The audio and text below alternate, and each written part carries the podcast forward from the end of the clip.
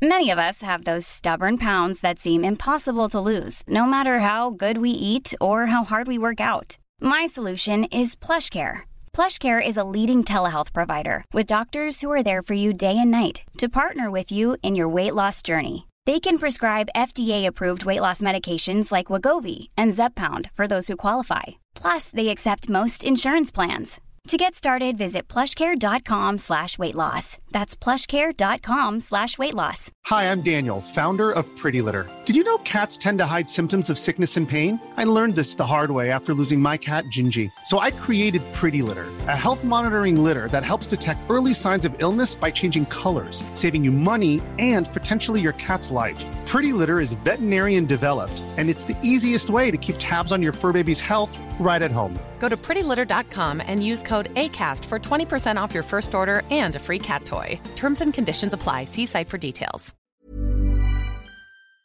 Nu får du faktiskt ta och dricka en klunk vatten. Många klagar, många klagar.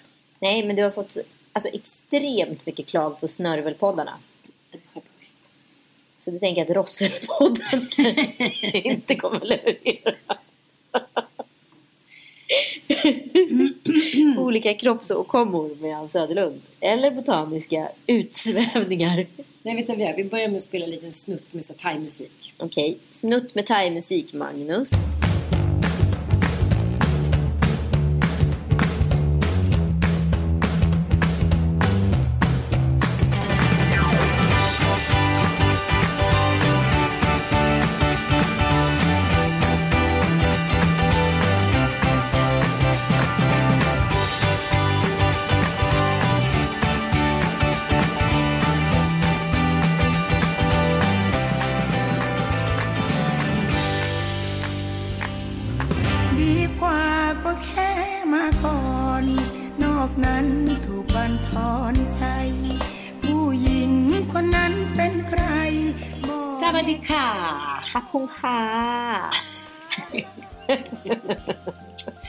Kan faktiskt bli anklagade för racism. Ja men vadå, om jag härmar en asiatisk, thailändsk dialekt. Det är väl ungefär som att jag skulle åka till Skåne och säga Hur är läget? Alltså, eller? Jo, det, det har du för sig rätt i. Eller hur? Det är jättekonstigt Du när folk... klippte min kritik. Ja men det är konstigt tycker jag när folk håller på att reagera på såna där grejer. Om jag åker till Kongo, då pratar jag.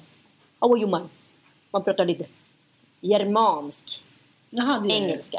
Germansk, afrikansk engelska. Mm, då ska vi åka till Kongo. Ska jag höra dig prata så när vi, vi sitter och käkar middag med ett gäng. Du bara, tack så det var ju du som sa något annat. Ja, ja. Hej och välkomna till Lillelördag som direkt sänder från Phuket. Ja, Ja. det är, så, det är så surrealistiskt när man liksom lyfts bort från en bit av världen och hamnar i en ny och sen så liksom Wherever you lay your hat, Ja. it's your home. Ja, det är så märkligt. Så är jag lite. Jag tar en klunk då. Och det som Lätt. låter i bakgrunden är grodor eller en geckoödla. Vi vet inte riktigt. Det kan vara björn. Enligt Ann så är det en gecko. Gecko. Det lät ju också som ett kvack. Men du vet väl att ljudet kommer från gecko? Nu var det ju jag som berättade det för dig för ungefär två timmar sedan. Men nu har du glömt bort det. Så nu har du tagit den informationen och gjort det till din egen. Men det är kul. Det är så jag lever botaniska Bo- trädgården i Thailand. Mm. Vi är i alla fall i Thailand på Ja. semester slash eh, manusskrivning. Ja, vi har ju liksom, vi ska, inte, vi ska inte skylla på att vi var tvungna att dra till Thailand, det var ju inte riktigt så. Men vi, du och jag har ju ett problem med att dedikera tid till varandra. För att det finns så många bränder att släcka hela tiden. Så för oss att få, faktiskt få någonting gjort, det är, finns bara en, eh, ett sätt att göra det och det är att faktiskt sticka iväg. Ja, till Thailand. Skeppsbrutna på ett eller annat sätt. Precis. Det var två och ett halvt, nej nästan tre år sedan som jag var här. Jag var i tolfte veckan tror jag, eller trettonde. Mm. Var på bröllop. Mattias brorsa och hans fru gifte sig i Thailand och jag blev magsjuk under bröllopet. Oj vad Jag det fick gå in och släppa en riktig cable. Alltså nu är jag ju här med en person som jag är tryggast med på jorden typ. Ja, Du, fröken, groda. fru, Söderlund. Ja, du tittar inte ner där. Nej, det ska jag inte göra. Jag har sett för mycket redan. Han sitter ju Ja. upp med ena benet på stolen. Jag och- gillar det. Är det, är det Karla? Nej, jag älskar att sitta så också. Däremot så är ju du lite mer ska jag säga, transparent på många Transa. sätt än mig. Just när det kommer till underliv. Ja, vi har i alla fall flugit hit. Det gick jättebra. Eh, Vi sitter här nu i, i en underbar liten villa med pool. Vi har badat. Vi har ätit en obscen middag. Ja. Anita Schulman bara sitter och går loss framför en typ meny. Beställer 263 rätter. Kostade skjortan 50 och eh, ja, jag är fortfarande ganska i matkoma. Ja, Men vi kanske ska stanna kvar lite vid underlivet. För Mm. det finns något som heter Magdalena-studien. Mhm. Har du hört talas om det? Ja, jag vet inte om det är du eller om jag de facto har läst någonting om den. Mm. Det är ju att vara deprimerad under sin graviditet är mycket vanligare än vad många tror. Eh, och det är vanligt att man inte heller får någon behandling för det. Och många lider i det tysta. Och 2015 så genomfördes en studie med goda resultat. Och det är samma forskningsteam som nu söker nya deltagare. Denna gång från kvinnor från hela Stockholm. Tyvärr bara Stockholm. Hur kan man Eh, vara med då? Vad sa du? Hur kan man vara med? Eh, jo, man går in och anmäler sig på magdalenastudien.se. Eller så går man in på deras Magdalena-studien på Facebook helt enkelt. Ja, gud vad bra. Då vill jag också eh, lägga in en liten artikel jag läste i Svenska Dagbladet idag. Som eh, jag tog upp den här, ja, den här nya forskningen då kring p-piller. P-pillret fyller 60 år i år och först nu har det gjorts riktiga studier. För det är inte så här att p-pillerföretagen har äskat en jävla spänn till den här forskningen. Utan liksom, vi kvinnor har väl i alla år så här, åh gud jag går upp i vikt, min sexlust försvann min mamma och min syster blev bara superdeprimerade. Satt vid bordet och grät. Eh, jag kunde äta ett par månader, gick upp massor i vikt, mådde skitdåligt. Och nu är det då fastslaget att man gav då hälften av kvinnorna i studien, ett antal tusen personer, sockerpiller och eh, hälften gav man då eh, p-piller. Och det var en så här signifikant märkbar skillnad på deras livskvalitet. Som de Är det uttryckte sant? De som käkade p-piller mådde så otroligt mycket sämre än eh, de som inte gjorde det. Och det här har gjort att man har gått ut lite mer med att, här, alternativa p-medel. Och det tycker jag är skitbra för nu har eh, ökningen av p-stav och pessar och liknande skydd ökat med 46 procent senaste åren. Är det sant? Så jag säger så här, bort med den där hormonskiten. Jag tycker det är helt för jävligt att unga tjejer i 13-14 års ålder ska pumpa sin kropp med så hormoner som... som gjorde ju vi. Nej, jag, Gjorde inte du det? Nej, jag klarade jag inte av åt det. p-piller från jag var 14 för jag hade så otroliga me- mensvärk. Så det var det Jag åt ett jag halvår. Nej, jag tyckte det var... Jag, jag vill inte stoppa i med sådana grejer. Däremot är spiral och sånt liknande mycket, mycket bättre. Så, att så här, det är konstigt att allting som har med kvinnor att göra, all sån forskning är det så svårt att äska pengar till. Ja, men gå in på magdalenastudien.se. Jag vill prata lite om Thailand faktiskt. Absolut. Jag vet faktiskt inte hur många gånger jag har varit i Thailand, men det är ganska många. Mm. Du känns ju väldigt så här, thai-kompatibel. Du går ju faktiskt runt med thai-byxor hemma då och då. Jag köpte faktiskt två Ja, jag vet det. Ja. Men jag blev ju svårt förälskad i Thailand. Som Gotland. Ja, ja men du vet som man kan bli. Man, så här, man synkar med vissa ställen i världen. Det är som så här, man har bott där i tidigare liv. Och så var det verkligen med Thailand. Plus att jag hade tre små barn. Gud, det där är så, förlåt mig, så en jävla klyscha. Varför? Som att man har bott där i tidigare liv. Okej, det kanske var fel. Men som att man så här, rad, ens egen inre Ja, radar in. exakt. Det är bättre. Ja. Plus att det var väldigt enkelt att vara i Thailand med barn. Plus att man träffade lite sköna lirare som hade thaibrallor, hade startat någon krog, hade köpt hus. Och du vet hur jag går igång. Mm. Besatt. Och jag skulle köpa hus på Koh Samui eller Koh Phangan. Men sen så, ja, all, som alla förälskelser dämpas det lite. Man testar lite nya killar. Och sen så återkommer man gång på gång. Det känns väldigt tryggt för mig att vara här. Det känns som att ett helt liv har utspelats här. Ja, Förstår du vad jag menar? ja, ja men absolut. Men första gången jag var i. Thailand var 99. Mm. Och sen så har jag varit här med jämna mellanrum säkert 6-7 gånger. Ja, jag Ja. tror jag har varit här ännu fler gånger. Sju, åtta gånger. Ja, jag känner mig trygg här. Jag vet inte vad jag skulle komma med det. Men det känns lite som att komma hem tycker jag. Ja men det är ju någonting med, alltså vissa platser på jorden känner man ju liksom är nästan heliga. Alltså som att så här, människan är ämnad för att vara där. Alltså, och vissa platser känner man så här, "Åh, herregud nu har jag kommit till djävulens rövhål. Varför, varför är det någon som bor här en gång?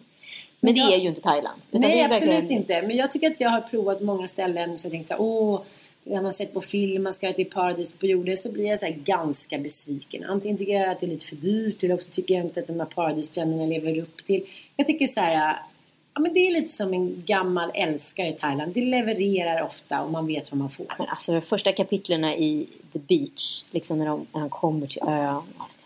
Mm. Alltså, det, man känner ju den känslan i kroppen när man är här. Alltså de här euforin som är så sprungen från ett så här en sån nybyggaranda, nyupptäckningsanda, allting. Och det, liksom, det finns någonting i det här som är så jävla så här, ska man säga, så här, kraftfullt. Men tror du inte att det handlar om också att så, Thailand var det första paradisiska stället som vi svenskar och många med oss liksom hade råd att åka till. Så jag kan känna att jag har blivit lite vuxen i Thailand. Jag åkte hit med en kille, hur gammal var jag då? Runt 20. Och vi åkte runt där och hyrde små bungalows och var på öde stränder och hade sex. Det var så här, hm, hm. Sen var jag där med barn och nu är jag här liksom på tjejresa. Så här, det känns som att liksom, Thailand har gått lite med mig hand i hand. Ja, jag fattar precis vad du menar. Mm. Ja.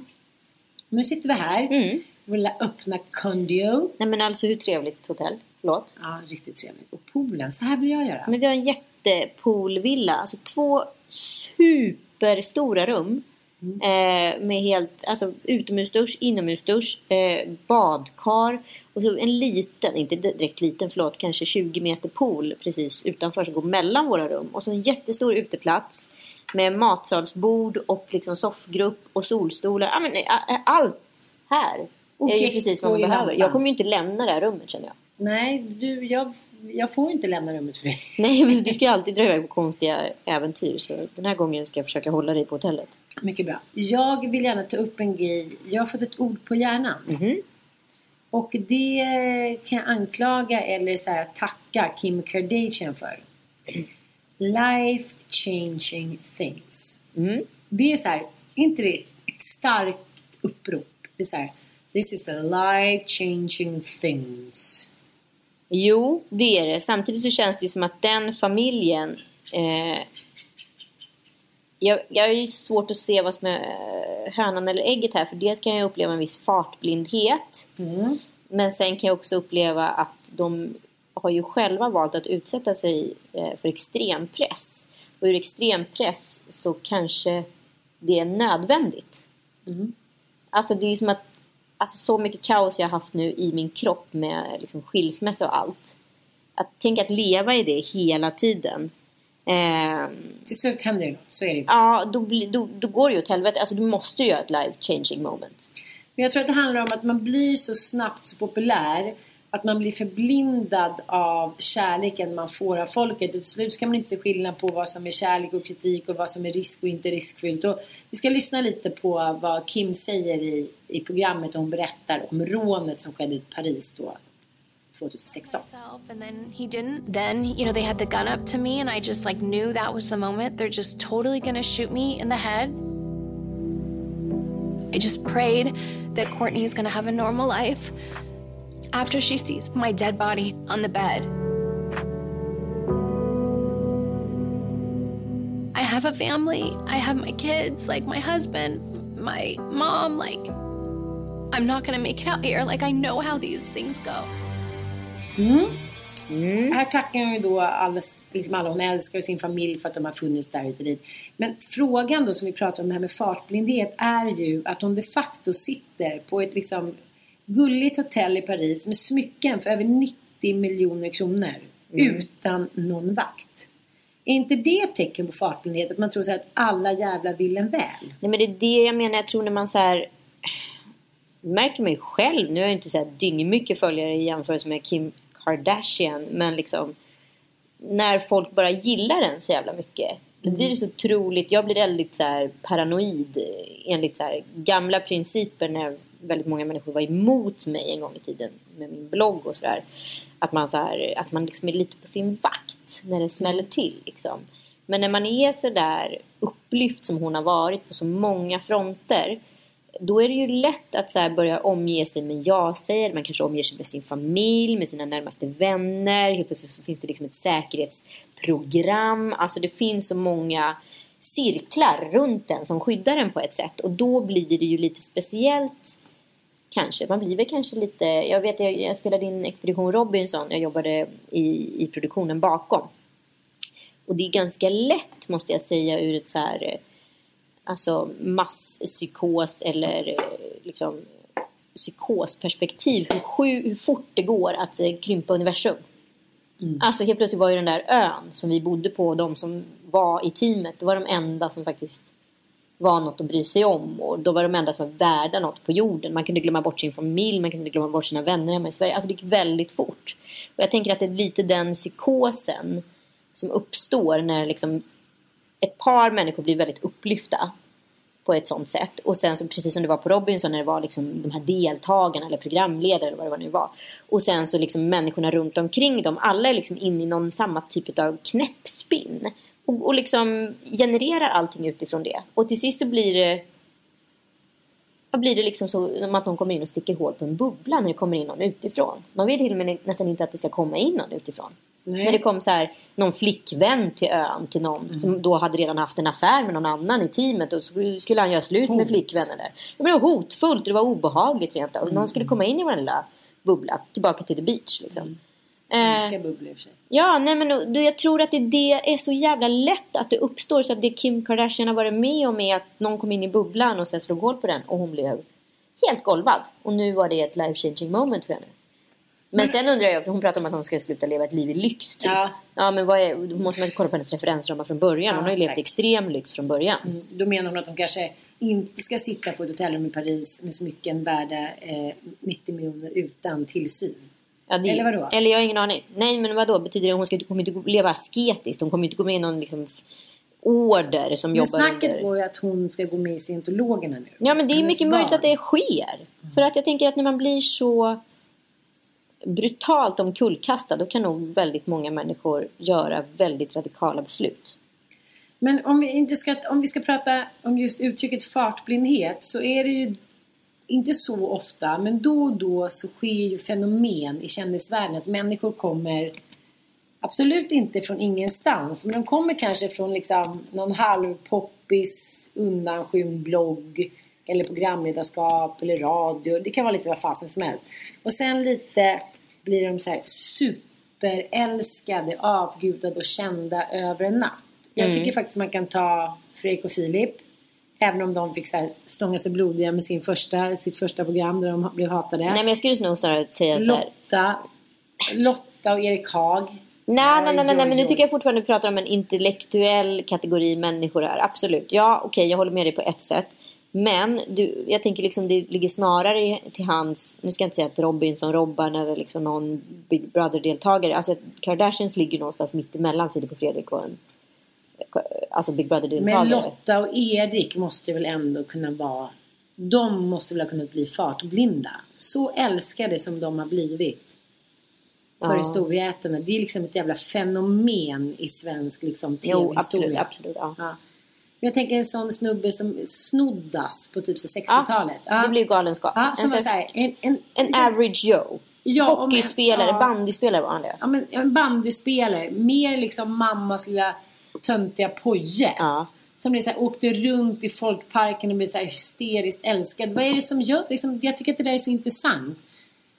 Vad är det som gör att människor kan bli så där älskade och man inte kan sätta fingret på det? Det tycker jag är så jävla märkligt. Det måste ju finnas ändå, som Filip och Fredrik är ju smarta och de älskar ju människor. Är inte det som är hela grejen? Ja, men det är ju Let's Dance-fenomenet. Varför liksom dansare då blir otrogen med, med, dan- med sin Ja, partner och så ja. vidare.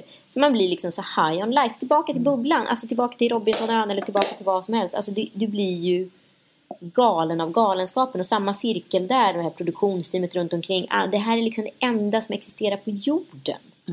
Och det är ju så, alltså tv-produktioner, säga vad man vill om det, men det är ett gift. När du är både bakom kulisserna och framför kulisserna, det är ett gift och du tror att det är det enda folk bryr sig om. Jag, tror, jag tror det blir en sån, alltså en sån eh, absolut galenskap. För att du blir bekräftad från så många håll samtidigt. Eller? Ja, men jag tycker att det där är intressant. För det, jag förstår att det kan ske. Jag har kanske aldrig känt på det sättet. Det är klart att man någon gång när någonting har gått bra känt såhär, gud vad folk ändå verkar gilla en. Men jag, jag vet inte, jag, jag, känner att jag är ändå ganska distanserad. Har du känt sådär att du har dragits iväg? Nej, alltså jag tror det också har så här, det finns två olika ambitionsnivåer på jag har alltid jobbat bakom. Mm. Du har alltid jobbat framför. Men jag har alltid jobbat bakom och jag ju liksom sett galenskapen ur, en, här, ur ett betraktande perspektiv. Och ibland har jag ryckts med i det men då har det aldrig varit jag som har stått i skottgluggen på ett sätt. Liksom. Sen de gånger där det har hänt. Jo men det kanske har hänt under så här, Penny Schulman-fenomenet. Ja, det är Ja, sant. det är sant. Eh, då har jag liksom jag har ändå varit tvungen att nypa mig själv i armen och försöka förstå hur mycket större omfattande det var än vad jag så såg. Man strutsar liksom lite. Man bara säger fan men nej, det är bara min dotter som har släppt en låt. Det är väl inga konstigheter. Man bara säger, eller det är ju ganska speciellt. Det kanske är tre barn i Sverige som har gjort det. Totalt. Jo men jag kommer ihåg den där gången när vi var hemma hos er så åkte förbi ett, eh, ett lastbilslass med så studenter. Så stod det så här Penny Schulman for president Ja. hade många på sina tröjor. Och jag pratade med mina tjejkompisar, eller så tjejkompisars kompisars döttrar och söner som gick så här, på gymnasiet, högstadiet, universitetet som var så här slängde sig med Penny Schulman-uttryck. Och så deras största önskan var att träffa Penny Schulman. Ja, det, men I sådana lägen blir man ju nästan så här. Men gud, vad fan är det som händer? Eller man förstår ju inte själv. Men då, menar, alltså, om vi ska veta ärligt, det är inte hon som har skapat det fenomenet. Nej, det är ju vi. Precis. Så det är ändå en Fast- annan grej. Men det, och grejen är det här, det är det här som är problematiken om vi ska komma till liksom pudens kärna. För att du är med och skapar någonting men någonting tar ju vid och tar en annan form som inte du själv är i kontroll över. Och då börjar du liksom strötsa och liksom förmi- ja okej jag är Kim just nu. Då börjar du förminska det här att det inte är så stort, det är inte så farligt, det är inte så problematiskt och sen så plötsligt så är det så här men det är du som har skapat det här och du blir så här, nej men det är det ju inte, det är ju inte mitt fel riktigt. Och det är det, som väl kanske på inte på ett sätt. drake. Det är det på ett sätt inte. Man säger ja till något roligt och sen så liksom att hon skulle citeras och bli quote så att det skulle åka runt studentflak med hennes namn. Det var ju ingenting som vi hade så utropat. Nej, men, men, men produkten utav det vi hade så skapat i våran lilla så familjesfär, det var ju det det blev. Och det var ju inte tanken från början. Det var ju inte tanken från början. Så ja, jag blev Kim Kardashian där. Ja. Verkligen så som en sjuhövdad orm som bara slingrar sig iväg åt alla håll. Man hinner liksom inte fånga in den. Nej, exakt. Nej, det är intressant det där tycker jag. Fan, det är sjukt spännande. Det är mer spännande ju mer man gräver i det. Speciellt när man kan koppla det till sig själv känner jag direkt. Men jag måste ändå gå tillbaka till uttrycket life changing things. Det kan ju vara lite allt möjligt. Ja, Jag har ju inte gått med i scientologerna. Nej. Nej, då jävlar då skulle jag kidnappa dig därifrån. Ja. Alltså, herregud. Skulle hyra en liten folkabuss. Men jag, grejen är att jag tror det är så mycket lättare. Om du är skör så tror jag att det är så otroligt mycket lättare att trilla in på något sånt där än vad du förstår. Alltså jag har en kompis eh, som... klart. Men du och jag är en gemensam kompis som höll på att trilla in i en sekt i USA. Ni var väl där ungefär samtidigt? Ja, ja just ja. ja. Ja, det vet jag. Ja. Och hon är en absolut intellektuell kvinna. Cool som fan och ja, men jävligt liksom poet. Hon höll på att sugas in i det där. Och hon var lite, lite skör, det var någon snubbe som hade gjort slut, det var lite krisigt hemma, inte fan vet jag. Det var inget, det var, hon, hon kommer från jättefin bakgrund, inget spec- speciellt med det. Alltså det var inget, inget knas i hennes familj liksom. Men hon är på att liksom trilla in i det där. Jag tror att så, när, om man plockar människor vid rätt tillfälle i livet, då trillar man dit. Tjejkompis slash bekant till mig bor i en annan stad. Vi träffas två gånger om året kanske. Ja. På grund av en eh, speciell occasion som är. Hon är en av de starkaste, coolaste entreprenörerna, mammorna, frun. Liksom, hon är så här, lite som så här, stadens dotter. ja, jag fattar. Ja, eh, vi säger hej då och sen så ett halvår senare så ringer hon mig med så här, den konstigaste rösten. Du vet som att hon har blivit drogad typ. Hej det är XX liksom, undrar vi kan ta en fika? Jag bara ja, ja visst, visst liksom. Ja, jag träffade henne på ett ställe på Söder och där kommer då en typ supersmal härjad kvinna. Det var bara några månader innan jag hade träffat henne. Ja. Då hade hon på det här eventet träffat en man som hjälpte till där. Blivit så störtförälskad, lämnat man och barn, flyttat ihop med honom och han var en psykopat. På några få månader hade hon förvandlats och då menar inte jag att det här var någon sekt eller det var den här mannen som hon blev förälskad i som liksom ville ha kontroll över henne. Hon var ungefär som man skulle säga som filmen Stepford's Wife. Att man skulle ta upp huvudet och så var det en, liksom, en robot eller en helt annan människa. Så jävla lätt att ta ifrån en människa dess självkänsla. Och det där ska man vara väldigt, väldigt försiktig med. Även också när det gäller barn. att säga kommentarer att du är dum eller du är så eller du är så därför att dina föräldrar hit och dit. Det är väldigt, väldigt lätt att ta liksom heder och självkänsla och livsgnista av en människa. Mm. Jag var ju tillsammans med en kille och det gick ju också jäkligt snabbt alltså. Innan Att det han- börjar spåra. Ja, och han liksom var så jävla svartsjuk och det är så små kommentarer bara liksom. Om vikt och utseende, föräldrar, kompisar. Hela tiden bara så här. Mata, mata, mata. Ja. Små gliringar tills man bara säger var en spillra av sitt forna jag. Men det där kan jag också tycka är så spännande. För man hör de där människorna ibland har fått då självinsikt. Alltså typ som den snubben, eller vad det nu är. Eh, och det gäller ju kvinnor med. Att man, när har fått självinsikt att de har varit ett svin. Och sen så gråter de liksom ut i media. Samtidigt så går de så jävla mycket igång på att Ja. så här stå... Alltså det finns många som föreläser om att de varit svin. Och liksom så här går igång på att berätta anekdoter om sig själva som svinet i tredje person. För då har man liksom skjutit ifrån sig skulden på något sätt. Och jag tänkte väldigt mycket på det när jag såg eh, Män som hatar kvinnor och läste boken. Och, och liksom, att det är ju väldigt mycket det är en dubbelhet i det där. För att det är, så här, det är en bok som är skriven eh, som ska motverka liksom, kvinnoförtryck. Men den ligger samtidigt och liksom rullar runt i gyttjan av att absolut exploatera kvinnor å det grövsta. Men jag tycker att de här kvinnorna eller männen som har varit assholes som man ska säga. Och sen så gör bot och bättring och ber om ursäkt och gör bot och bättring på riktigt. Eh, då är det som att det aldrig har hänt. Då är det som att de är helt fria från skuld. Fria från skuld, ja. För att de har berättat om det. Om det inte är kvinnor då. För de får dra sig i gruset forever and ever. Och då är det så här, det är såklart ett enkelt försvar att slippa bearbeta eller så här, jobba på det där länge. Att bara säga så här, det är ungefär som, som eh, när man ska göra slut eller liksom man har en dålig relation. Det är inte du, det, det är jag. Så man tar på sig skulden och sen är det slut diskuterat. Ja. Eller man säger så här, man är jätteupprörd, ah, du har rätt. Man bara, ah, ah. Man vill ju ha mothugg, man vill ju gå in i liksom en polemik, en diskussion och sen komma fram till en konklusion. Men då får man säga, nej du har rätt. Du har rätt. Det är ju som Ann Heberleins bok, eh, som är, hon är etikforskare också. Hon säger bland annat att man är då självgod om man ger tiggare pengar. Okej? Ja. Ja. för att det fyller på sitt eget ego då. Precis, det handlar liksom ingenting om att man vill vara god utan det, utan det handlar bara om så att man ska, eller det är som att man har till exempel ett barn, man, man, man betalar då månadsgivare till ett barn. Jag tycker det där är svårt. Ja men det där är svårt för att det där är lite som vi, samma sak som vi pratade om med Lady Damer om, om det här med sex. Att om en kille nu går igång på att ge en tjej orgasm och det till och med också är fel. Vad är fel då? Alltså förstår du? Om det nu är så att det är ett självuppfyllande syfte. Absolut. Men må så vara, men det är fortfarande en god gärning. Jag vet, men, men jag tror att Men hur, vem, är, vem är ren? Vem är fri från Nej, synd här? absolut inte. Men, men hon har ju skrivit den här boken Det är bara inte mitt fel. Mm. Och då tycker hon att vi i Sverige håller på att rationalisera bort synden och skulden. Och hon menar att så här, det är en viktig känsla. Det är en konstruktiv känsla. Att som- känna skam. Ja, Som och- barn nej, har så nej, svårt att säga förlåt. nej, inte att känna skam, men att liksom att, att men alltså det är en konstruktiv känsla att inte rationalisera bort skulden. Att, tänka, att istället säga, jag gjorde fel. Jag måste ta reda på varför jag gjorde fel. Jag måste här, söka in i mig själv.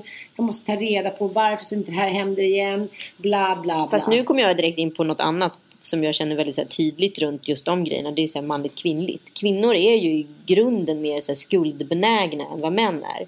Och det kanske är baserat på alltså, ett patriarkat i grunden. Alltså att vi, så här, vi tar alltid skulden. Vi känner oss skyldiga om vi har haft en för kort kjol på oss när vi blir Ja, våldtagna. ja. Alltså, vi känner alltid skuld och då måste vi hela tiden, i och med att vi känner skuld så måste vi hela tiden gå till botten varför vi känner skuld. Och då får vi skuld. Ja. För att vi har tagit reda på att vi var skyldiga. Men män tycker jag, jag vet inte om det har med uppfostran att göra eller patriarkatet, att de allt färre gånger känner skuld. Jämfört med kvinnor. Det har väl lite med att göra när du berättar om Tinder. Att så här, på sex veckor så är the goodmans liksom är borta. Ja. Hetingarna tycker man så här, för de klarar inte av för de måste få självbekräftelse. Ja. Men jag tycker att allting handlar om det där. Det är som att alla liksom föräldrar tycker så här om, någon klagar på deras barn eller säger att de har gjort något dumt eller inte liksom levererar i skolan. Då, är det, då ska vi skylla på ADHD ofta. Eller också, nu menar inte jag så. Nej, men inte skylla, men Nej. jag fattar vad du Men- menar. men Nej, men att, vi, ska- att vi, behöver, vi behöver orsaker och Ja för, att Ursäkter. ja, för att det tar för lång tid att här, vara konstruktiv i kritik till sig Okej, själv. ja men okej, ur det perspektivet är det jätteintressant det hon säger. Jo men liksom, vad fan, en hel liksom förskola, en hel skola står ju faller med att man tycker att så här, ja men det där får väl lärarna ta hand om, det där får väl lärarna uppfostra, det får väl lärarna sköta. Jag tycker att så här, Sverige har förvandlats till ett så här, från att vara ett kollektivt land där vi hjälps åt Per Albin Hans, socialdemokratin, bla bla bla. Så är det lite så att vi skyller ifrån oss på alla andra hela Jo, tiden. men du refererar också till saker som liksom en som är född på 90-talet måste liksom slå i historieböckerna. Det där kom med vår liksom modersmjölk. För det fanns liksom en politisk agenda runt köksbordet som inte finns idag i och med att det inte finns någon opposition riktigt. Förstår du? Idag pratar man om SD och resten av partierna. Och SD är ju egentligen det enda oppositionspartiet om man ska vara liksom hårdrare. Och det blir ju jävligt så här, svårt. Vi växer ju upp en, alltså våra barn kommer ju växa upp i en helt annan politisk agenda. Så där finns det inte heller något kollektivt ansvar i och med att allting är privatiserat på ett sätt. Men också, och det är även på ur det socialdemokratiska liksom, blocket. Jo jag fattar men, men Och då finns det ju inte heller liksom, ett kollektivt ansvar på samma sätt. nej det är klart Men det gör. kollektiva ansvaret finns ju i sociala medier. Där börjar vi se den riktiga så här, socialdemokratin igen. Jo, men jag menar bara att här, ta ansvar och vara konstruktiv och ta reda på varför man har gjort fel. Det kräver ju tid och det är den tiden vi inte vill ge. Nej, längre. men vi vill då att det bara går- snabbt ska gå vidare. Nästa kille, nästa unge, nästa familj. Nej men vadå, då går vi nästa... ut och håller en föreläsning om att vi har varit ett svin och så göttar vi runt i anekdoter om att vi var ett svin och så tar vi inte ansvar för det ändå. Men vi tycker att vi gör det. Ja, Så att vi så här, där har du det. ja. Bara att Pratar vi om liksom det. flåntigt och säger eller pratar om en intervju eller går ut med på Instagram eller säger liksom det till vännerna på en middag eller skickar ut ett mail eller vad det nu handlar om. Då kan vi bara gå vidare. Alltså det Ja, är är bara vi en spya. Ja, det är en skuldspya. Ja. Som så här kräks ut över alla och då ska vi ta emot den. Vad fan ska vi göra med den då? ja, och då går Kim Kardashian med i scientologerna för att rena sig själv fri från skuld. Precis. Inte nice. Men om vi inte tror på någonting. Då ska vi inte heller ens tro på skulden. Nej, det är det jag menar. Det ena tar ut det andra. Alltså så här, vi har ju slutat tro på det goda, då har vi också slutat tro på det onda. Och, vi hela tiden, och då ligger vi hela tiden under någon skuldförtryck. Och vi kan ju inte bära för mycket skuld, det står vi inte ut med som människa. Du kan väl inte säga i den världen som lever just nu att vi har slutat tro på det onda? Nej, nej, nej, men, ja, men du förstår vad jag menar. Alltså, det finns ju inte så här djävulen och Gud. Det är ju inte de två metaforerna vi pratar om. Nej, det är inte. Men, men det är ändå det som händer när till exempel terrordådet sker på Drottninggatan. Ja, absolut. Då absolut. är det djävulen och Gud. Då tycker vi att vi är Gud. Gud, hur många självförhärligande artiklar, tweets och Instagraminlägg skrevs om hur vi svenskar och stockholmare gick man ur huset. Vi öppnade våra hotellrum, våra hus, våra ditten och datten och vi älskade varandra hur länge som helst i två dagar. Och sen var allt som vanligt igen. Då var vi fria från skuld. Det är Mm. ett problem. Jag tycker att mycket av det som händer i världen handlar om att ingen längre vill ta ansvar. Nej, men jag är ju helt med dig på Jag skriver under på det. Jag, vill, Ja. jag är också dålig på att ta ansvar. Jag har inte gjort något, det är ditt fel. det. Nej, men det finns ju någonting i det. Jag håller med om det. Men samtidigt så försöker jag se det ur historiskt perspektiv. Hur bra har vi varit, tagit ansvar historiskt? Eller är det- är det en idébild om att vi har gjort det i och med att vi själva faktiskt var små under den tiden? Alltså idébilden om det Sverige som vi växte upp i. Du refererar till Per Albin Hansson, du var inte ens född. Nej, men det var ju ändå så här så många år som socio Ja, men du vill ju inte ha tillbaka det så, landet. så, Du vill inte ha tillbaka det landet som var då? nej, jo, jag vill ha tillbaka delar av det. Ja, absolut. Ja. Bits and pieces. Men det är därför jag också kan bli ganska frustrerad. Men som- tror du inte någonting eh, blir sprunget ur det här då? Alltså det måste ju jo, börja klart. någonstans. Men, men det som jag skulle vilja är att man inte springer så fort som till exempel jag tänkte på en grej som var väldigt välment av till exempel vår kära kollega Cissi Wallin att hon skrev så här, Ej men vadå? Eh, vi går på förskolan, jag och min snubbe skulle kunna ha råd att betala så till exempel de andra som inte har samma inkomst som vi slipper betala.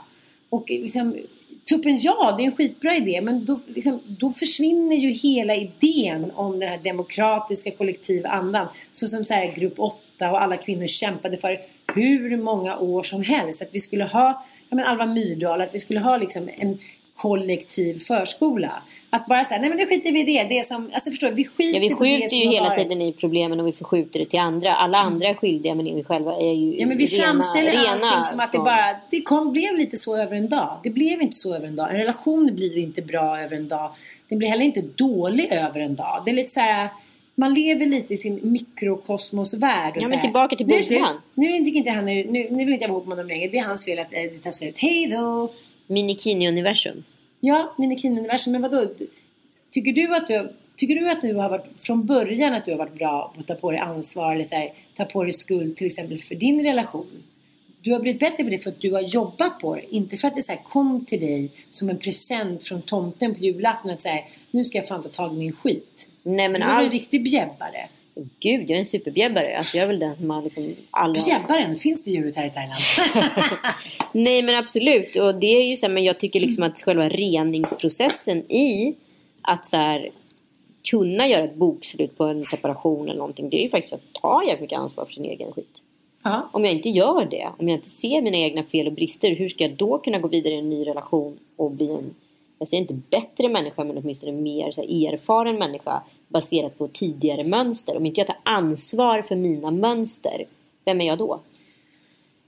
Då är du gamla Anita Schulman. Mm. Mm, men det som händer nu när du ser när du ändå tagit tag lite, eller tagit tag ganska mycket i din skit. Det är, så här, det är ganska jobbigt att inte ta ansvar. Men med det jag menar jag, jag kan ändå jämföra lite med den gamla guldklockevinsten. Man jobbade på ett företag i 25 år.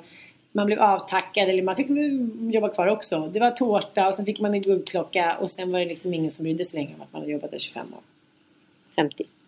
Är inte det lite samma sak? Man tänker så här, vem fan bryr sig om att jag har gjort min läxa? Schyffert säger ju det liksom ganska ofta. Jag, han tycker att ja, men han var bra, han gjorde Nile City, han gjorde det, han gjorde det. Men han ville verkligen göra sin läxa. Han gjorde så här 60 miljoner stå upp gig på typ ett år. Han säger jag ska göra min läxa, jag ska bli jävligt bra på någonting. Lex 10 000 kronors regeln på säga. 10 000 timmars regeln. Ja. Det är samma sak med ansvar. Tänk om vi alla skulle ta 10 000 timmar och ta reda på så här. Ja, varför tillbaka till värnplikten. Ja, jag ska det är värnplikten. fantastiskt. Det Alla är- mina barn ska in i värnplikten. Mm, Frasse också. gamla. alla ska in i värnplikten så Ja. vi sjunger om det. Vad bra. hände igår innan vi skulle åka? Nej, det var ju kaos. Åh. Varför är det alltid så? Jag det är verkligen lex stress.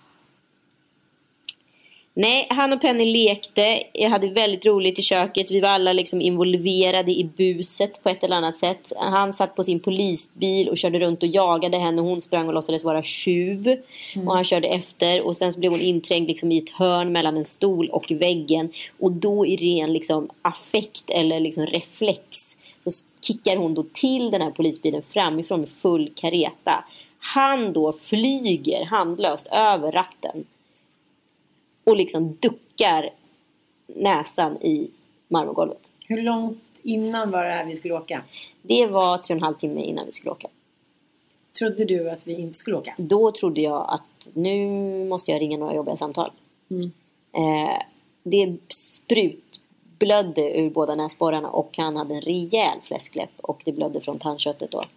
Han har uppenbarligen bitit sig förmodligen i eh, vad heter det? Ja, läppen. Så att det blev blod i hela munnen. Så att det var, det var som ett skämt. Näsan svällde ju såklart upp typ till en potatis. Jag var såhär, den är bruten, den är bruten, den är bruten. Eller den är inte bruten, nej den är inte bruten. Hoppas den inte är bruten. Ja. Eh, han, eh, efter typ en timme så somnade han och då lyckades jag liksom isa näsan under tiden han sov. Och då så gick ju svullnaden ner och då såg jag att den såg faktiskt inte bruten ut. Den såg väldigt svullen ut men den är inte, inte bruten. Eh, Jag har- ringde sjukvårdsupplysningen, jag ringde kompisar som är läkare och eh, ja, googlade bilder helt enkelt. Och eh, konstaterade att den kanske inte är bruten. Och han slutade blöda ur näsan och sen var han uppe och lekte som vanligt. Okej. Så var allting bra. Mm, men bra. Men det är obehagligt. Mm. Det är sjukt obehagligt. Nu är vi här. Mm. I skuld. Alltid skuld. Mm. Ja, vad säger du? Ska vi hoppa ner i badet? Ja, alltså nu håller jag ju på och eh, smälter eh, bort här rent Mm, jag ser fysiskt. faktiskt det. Ja. Är du en svettare? Nej, men jag binder ju väldigt lätt vatten. Och Mm. en flygresa för mig det är ju lite så här en, en förödande effekt på en semester. För då ser jag ju ut som en ja, uppsvälld ballong kan jag säga. I fyra dagar ungefär. Sen börjar det liksom lägga sig. Jaha, du blir lite som prego. Jag ser ut som prego. Alltså jag känner att mina fötter, jag ska typ ta upp dem nu så får du se. Är ju typ som Shreks fötter. Ja, det är det. Du har ett väldigt tråkigt ressällskap. Gud, jag bara söv och söv och söv. Mm. Det var så sjukt skönt. Den där flighten. Vad ska vi göra på den resan? Vi ska spela tennis har vi bestämt. Ja, vi ska gå på en matlagningskurs. Mm. Vi ska träna massor. Och dricka lite drinks. Ja, och du har sagt åt mig att jag ska ta från fettet på min rygg och spruta in i min rumpa. Jag vet väninnor. Jag har väninnor som har gjort exakt det. Och det ska bli bra. Ja, du har ju recovery-året. Du har ju sagt det själv. Mm. Du pratar, det enda du pratar om när vi ses, det är ditt utseende. Va? Jo, det gör du visst. Du pratar om där ratalonisar. Du pratar om din härliga, rumpi, härliga. rumpi, Ja, platt. Härlig det är faktiskt ett väldigt bra sätt att här, ta sina tillkortakommanden. Och så, när man pratar om det så bara plussar man dem hela tiden. Till Ja. slut så kanske man tycker att man har värsta Kim Kardashian-rumpan. Folk är sura på henne. Hon förlorade 100 000 följare förra veckan. För att hon la ut en bild på sin rumpa. Och för att eh, alla hon Hur kommer det sig att du är liksom så besatt av Kim Kardashian två år efter alla andra? Jag är alltid jag är besatt av dig två år efter. jag tänkte på det igår. Jag önskar att, här, att jag ofta hade så här, hoppat på det där life changing moment-tåget. Men att jag tänker ofta så här, det kan vara allt från den klassiska scenen i eh, Seinfeld när de tror att de ska eh, störta och han säger I'm gay, I love you. Och sen så visar det sig att de inte kommer störta så bara only kidding. Att man så här flåntigt när man är i en utsatt, pressad paniksituation. Då lovar man bot och bättring. Om det bara blir så. Martina Haag till exempel i boken Det är något som inte stämmer. Hela tiden säger så. Varje dag så ökar hon pengasumman hon ska ge till vad det nu är Röda Korset eller SOS Barnbyar. Om bara Erik kommer tillbaka. Eller om bara mannen, vem det nu är, kommer tillbaka. Eh, så så kan man ju tänka på life changing moments när man är pressad och stressad. Förstår du vad jag menar? Men jag tycker att jag var lite dålig på det där. Som man tänker till exempel när min mamma gick bort. Det är ju ett väldigt starkt och stort life changing moment. Men istället för att så här, göra någonting bra av det så flippade jag ju ur istället. För jag klarade inte av känslorna. Nej, jag förstår. Eh, och så känner jag att det är någonting som växer i mig faktiskt lite. Att jag är i behov av, inte att någonting kanske händer, men jag är i behov i mitt inre av ett life changing moment. Det är någonting som jag håller på liksom och snudda vid, som jag vill göra. Och jag vet inte riktigt vad det är. Spännande. Jag tycker jag har liksom haft lite för mycket liv ett tag. Ja. Så jag är liksom inte närvaron att vara sugen på ett life changing moment. Och jag tycker väl att en separation, jag har ju separerat en gång tidigare också, är ju det. Det är ju en radikal förändring utav ens liv när en vän går bort och så vidare. Det är ju någonting som kastar omkull, eh, eh, alltså kastar dig från motorvägen och tvingar dig ta snåriga liksom, omsidesvägar för att så här, komma tillbaka dit upp. Och vad det blir och vad det är, är vet inte jag just nu. Men det är spännande. Om vi tar till exempel Karin Björkegren Jones som är så här, författare, yogalärare och så här, ja, men hälsoprofil verkligen. Hon tycker hon är grym. Knip, mästarinna, knip. Hon fick ju bröstcancer och det förändrade hennes liv totalt. Till ett life changing life. Nu menar inte jag att det behöver vara så här radikala grejer. Nej, men det är som Pamela. Andersson också. Alltså, ja, men jag tycker att man kunde säga allting behöver inte vara att man så här, kanske dör för att kunna ha ett life changing moment. Nej, men det, Det måste handla om att... så. Nej, men alltså, jag tycker att så här, life changing moments kan ju handla väldigt mycket om att bryta sina traditionella mönster. På Mm. ett sätt som man kanske tidigare inte behöver liksom utsättas för. Mm. Så tänker jag nu när Mattias står på sin golfresa i Amerikat. Så tänker jag så nej men nu när han kommer hem då tycker jag vi så ska ha lite så här changing i vår relation. Det är så här, vissa grejer som jag tycker vi behöver så här, steppa upp på för att det ska bli bättre. Mm. Och så är vi så himla himla bra på att älska varandra till döds när vi är från varandra. Ja, alltså det där är så jäkla dubbelt. Om jag det är tycker det är bra så spännande men jag älskar ju att längta. Ja, men jag älskar också att längta, men det som man längtar till blir ju sällan liksom samma sak när man väl kommer hem. Förstår Nej det är du? klart det inte blir. Men det är ändå här, det blir lite som att det spelas upp en film. som att Förutom man är första kär. året när man är kär. Ja. Fast det kan ändå vara så. Jag tycker att, att, när någon reser ifrån en eller vice versa, då är det lite som första året. Då är det som att man spelar upp den där filmen, hur nykär man är. Fast det kanske inte är så. Kan vi inte prata lite om första året? Det här året fullt av skav. Ja, oh, herregud. Alltså, det första året, det får man bara inte räkna med känns som. Nej, fast det är ändå det som så här utgör fundamentet i relationen. Det första året kan ju vara helt ljuvligt eller helt vedervärdigt. Oftast en blandning av allt. Jag har ju insett att min kanske jobbigaste känsla jag kan ha i kroppen det är att vara nykär. Mm. När man inte vet om den andra känner samma sak, om det är på samma nivå. Eh, den här liksom hela tiden den här eh, nyckfullheten i, i relationen. Om man, om man är för på eller om man är för av. Eller liksom det skaver åt alla, på alla sätt och vis. Om man tar med sig rädslor in från sin gamla relation. Man tar med sig liksom ageranden in från sin gamla relation in i den nya. Och liksom, eh, man försöker läsa av mönster hos varandra. Ingenting som riktigt sitter. Vad ska man göra? Vad man ska göra? Ja, men dels så, så kanske man ska träffa någon som själv tycker att det är intressant att så här, dissekera och snacka om sådana situationer. Varför man är som man är. Alla människor är inte intresserade av sånt. Vissa vill ju bara köra på. Mm. Ligga, dricka, resa. Det som man oftast gör när man blir nykär. Verklighetsflykt. Ja, man är så otroligt uppfylld av kärleken. Liksom. Och då är det så här, aha, vad är passion? Vad är liksom, eh, vad är sunt? Man kanske så här, skulle gå den andra vägen. Börja lite sundare istället. Ja. Och alltså sen så när man så känner varandra lite bättre, då kan man sätta igång med the craziness. Ja men exakt. Alltså så här, lära sig hantera vardagen innan man flyr. Mm. Det är ganska bra. Samtidigt så älskar man ju det där första halvåret. Herregud, jag kan verkligen säga dagdrömma om hur mycket man skrattar hur roligt man är, hur mycket man uppar den andra personen. Och så, så här, jag tycker också att det är konstigt att nästan alla relationer följer exakt samma mönster. Allt det som man älskar det tycker man sen är det jobbiga.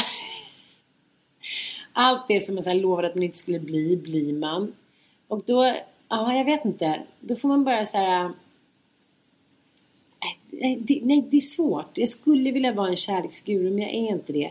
Det enda jag tänker är att man måste vara bjussiga mot varandra. Det är så här, det är som jag säger till barnen följ en regel i ert liv om ni kommer gå, må gå er väl i livet. Det är så här, behandla andra som ni själva vill bli behandlade. Så är det i och för sig in, in passionerad kärleksrelation också. Ja, men det där blir ju gärna floskler, förstår du vad jag menar? Jo, jag vet. Fast det är ändå en sann floskel. Så här, känn in, trampa inte över, bla bla bla. Men samtidigt så är det ju ofta sådär när man är nykär. Om den andra skulle vara så här super på liksom fjanta runt den och det inte skulle vara något motstånd, då kanske man inte skulle bli så intresserad. Så jag tycker att det där är en jävligt snårig skog att vandra i. Passionens snår.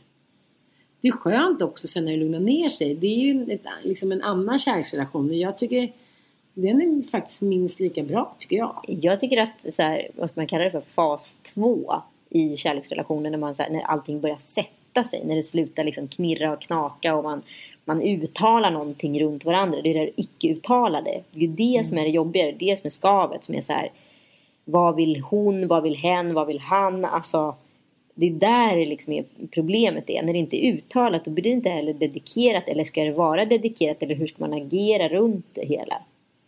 Ja, men sen är det så att man, man dras ju till personer som är ganska så verbala och hetsiga. Det går upp och det går ner det går hit och går dit. Men, men jag vet inte, oftast leder det ju ingen vart när det blir sådär hetsigt. Nej, det leder ingenstans alls. Och för det blir ingen bara har här... fel. Vi är tillbaka till samma sak. Ingen tar på sig skulden för att det går snett. Nej, och då kommer vi in på en annan fråga som är så jävla intressant när det kommer till första året. Principbråken.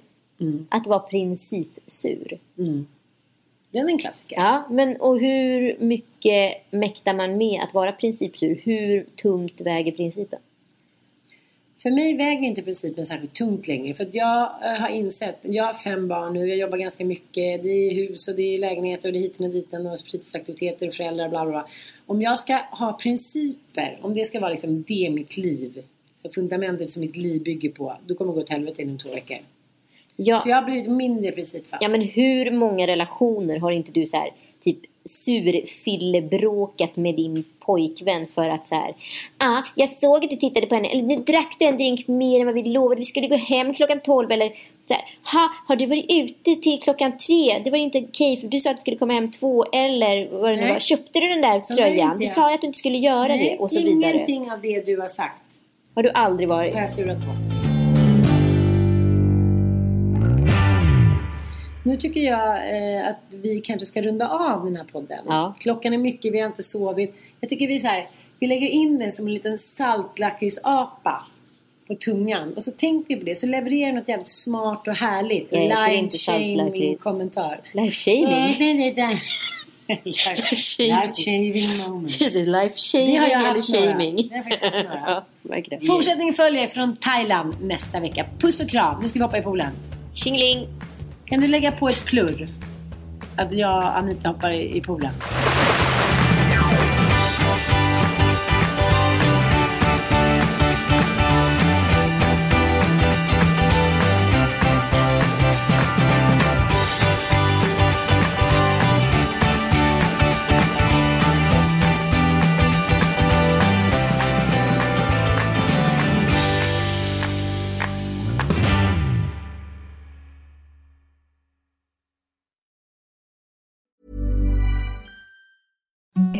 The softest sheets you've ever felt. Now imagine them getting even softer over time. That's what you'll feel with Bowl and Branch's organic cotton sheets. In a recent customer survey, 96% replied that Bowl and Branch sheets get softer with every wash. Start getting your best night's sleep in these sheets that get softer and softer for years to come. Try their sheets with a 30-night guarantee. Plus, get 15% off your first order at bowlandbranch.com. Code BUTTERY. Exclusions apply. See site for details. Normally, being a little extra might be a bit much, but not when it comes to healthcare. That's why United Healthcare's Health Protector Guard fixed indemnity insurance plans, underwritten by Golden Rule Insurance Company, supplement your primary plan so you manage out of pocket costs. Learn more at uh1.com.